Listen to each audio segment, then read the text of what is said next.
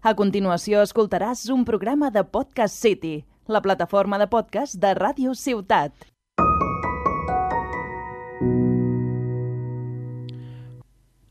...8 de diciembre de 2004, minuto 87. Steven Gerrard convierte el 3 a 1 contra Olympiacos.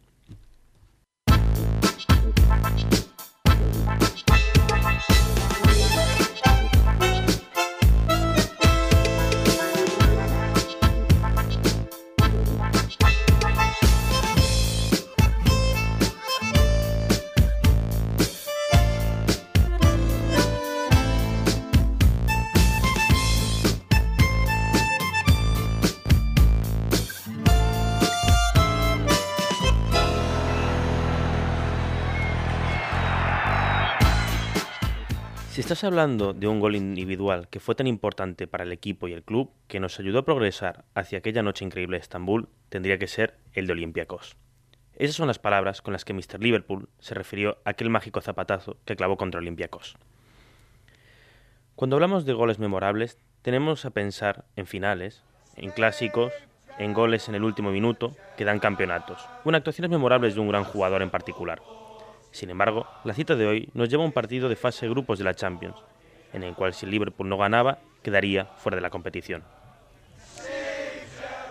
Antes de hablar de aquel partido y de aquella final de Champions, vamos a centrarnos en Gerard. Steven Gerrard es aquel chico de Liverpool, con un sueño muy simple, jugar en el mítico Anfield, aquel estadio donde grandes leyendas como Dalglish, Fowler o Keegan se han consagrado. El sueño de Jerry se cumplió en 1998 después de llevar las inferiores de los Reds desde que tenía nueve años. Desde su debut, dejó claro que era un jugador con una visión de juego incomparable, a lo cual hay que sumarle su gran capacidad para recuperar el balón y un potente disparo, lo que lo convertía en un jugador extremadamente polivalente, que podía ocupar cualquier posición del medio campo, llegando a jugar incluso como segunda punta. Pero lo que más destaca a Gerard era su amor por el club de su vida. Era un chico de Liverpool, y para él no había nada como jugar en Anfield. Su actitud llevó que en 2004 se convirtiera en el capitán del conjunto de Merseyside, con apenas 23 años, siendo hasta ahora el capitán más joven de la historia del club. Garra, pasión y mucha calidad. Gerard lo tenía todo para enamorar a la afición de Liverpool, solo le faltaba una cosa.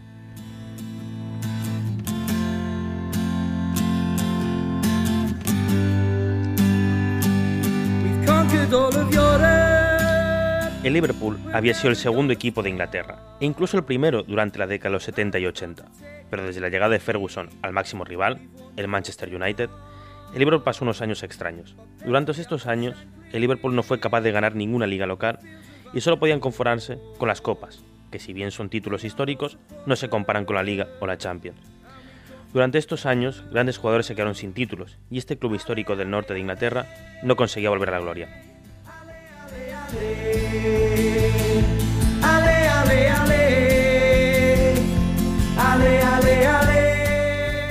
Todo eso acabó en el año 2005, cuando el Liverpool de Gerard, Carragher, Xavi Alonso, bajo las órdenes de un sobrecalificado Rafa Benítez, acabaría consagrándose campeón de la Champions tras 21 años. Este Liverpool no era un super equipo, había clasificado como cuarto, lo que significaba tener que jugar una ronda previa antes de entrar en la fase de grupos. A Liverpool le tocó jugar contra el GAC de Austria, cuyo apodo eran los Diablos Rojos, que casualmente es el mismo apodo que el Manchester United. A priori, este enfrentamiento sería un trámite, y a la ida, el Liverpool se impuso por 2 a 0, ambos goles del bueno de Steve. La vuelta se jugaría en Anfield, lo cual ya casi dejaba finiquitar la serie, pero el fútbol nunca se sabe, y todo puede pasar. El partido de Anfield fue muy malo. El Liverpool estuvo a punto de quedar eliminado, y demostró que no era un equipo preparado para conseguir grandes cosas en Europa. Pero al fin de cuentas, lo importante es que ya estaba dentro de la Champions League.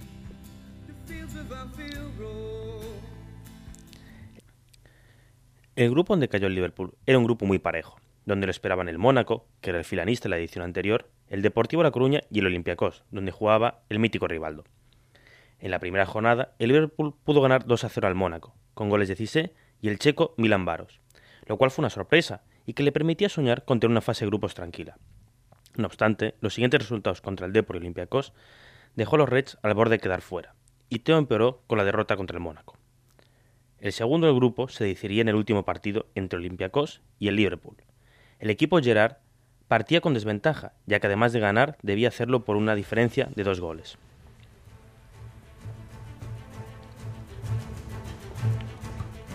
El partido se jugaría en Anfield, lo que siempre sirve como ventaja, y más si es con una afición tan entregada como la de los Reds.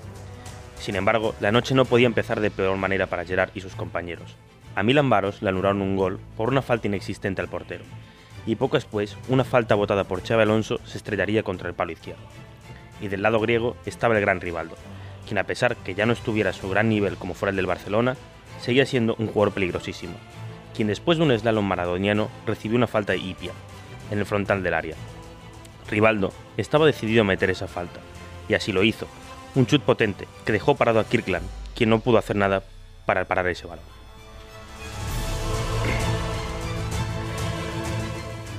El gol de Rivaldo obligaba al Liverpool a hacer tres goles para pasar, y aunque aún quedaba mucho partido por delante, el ánimo del equipo no daba a entender que se pudiera obrar el milagro.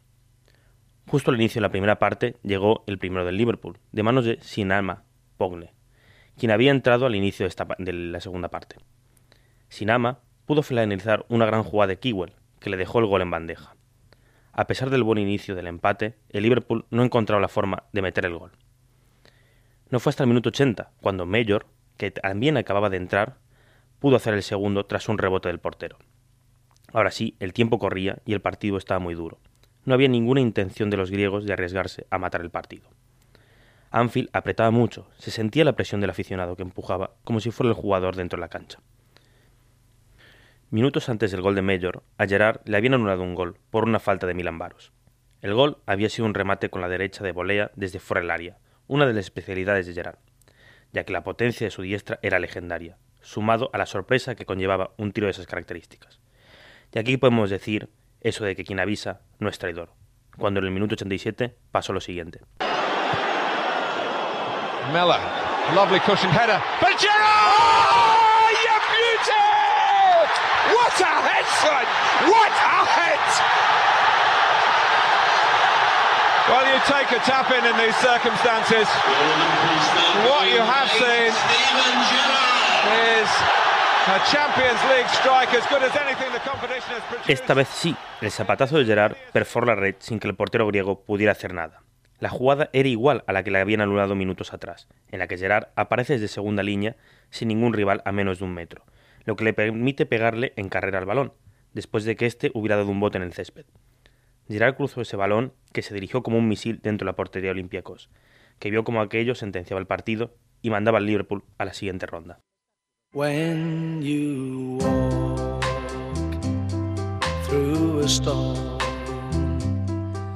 Gerard lo había hecho. Podría medirse ahora a los mejores equipos de Europa. Primero vino el Bayer Leverkusen, quien no le dio muchos problemas.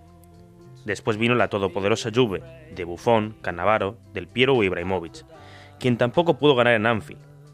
En semis le esperaba el Chelsea de Mourinho, que tras un 0-0 en la ida en Stamford Bridge, el partido se decidió en Anfield, con un tempranero gol de Luis García que llevaría al Liverpool a la gran final.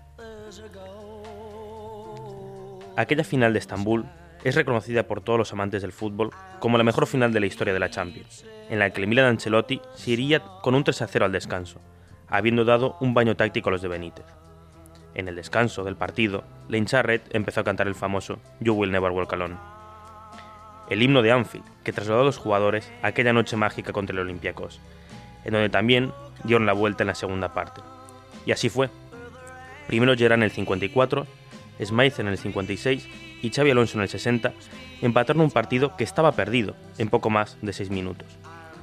El partido se acabaría definiendo en penaltis, donde Dudok se hizo colosal y le paró el penalti definitivo a Shevchenko, dando así la victoria a los de Merseyside.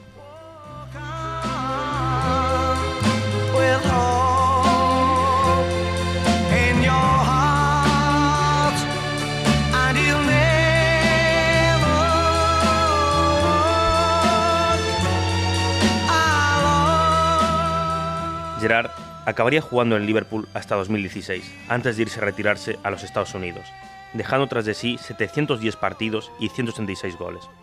Fue despedido en Anfield, como una de las leyendas más preponderantes de la historia del club, y para el recuerdo queda su vuelta de despedida en su estadio. No pudo nunca levantar la Premier League, aunque con aquella Champions su legado se convirtió en inchantable. Y todo dio inicio con aquella noche mágica de Anfield. Liverpool 3, Olympiacos 1.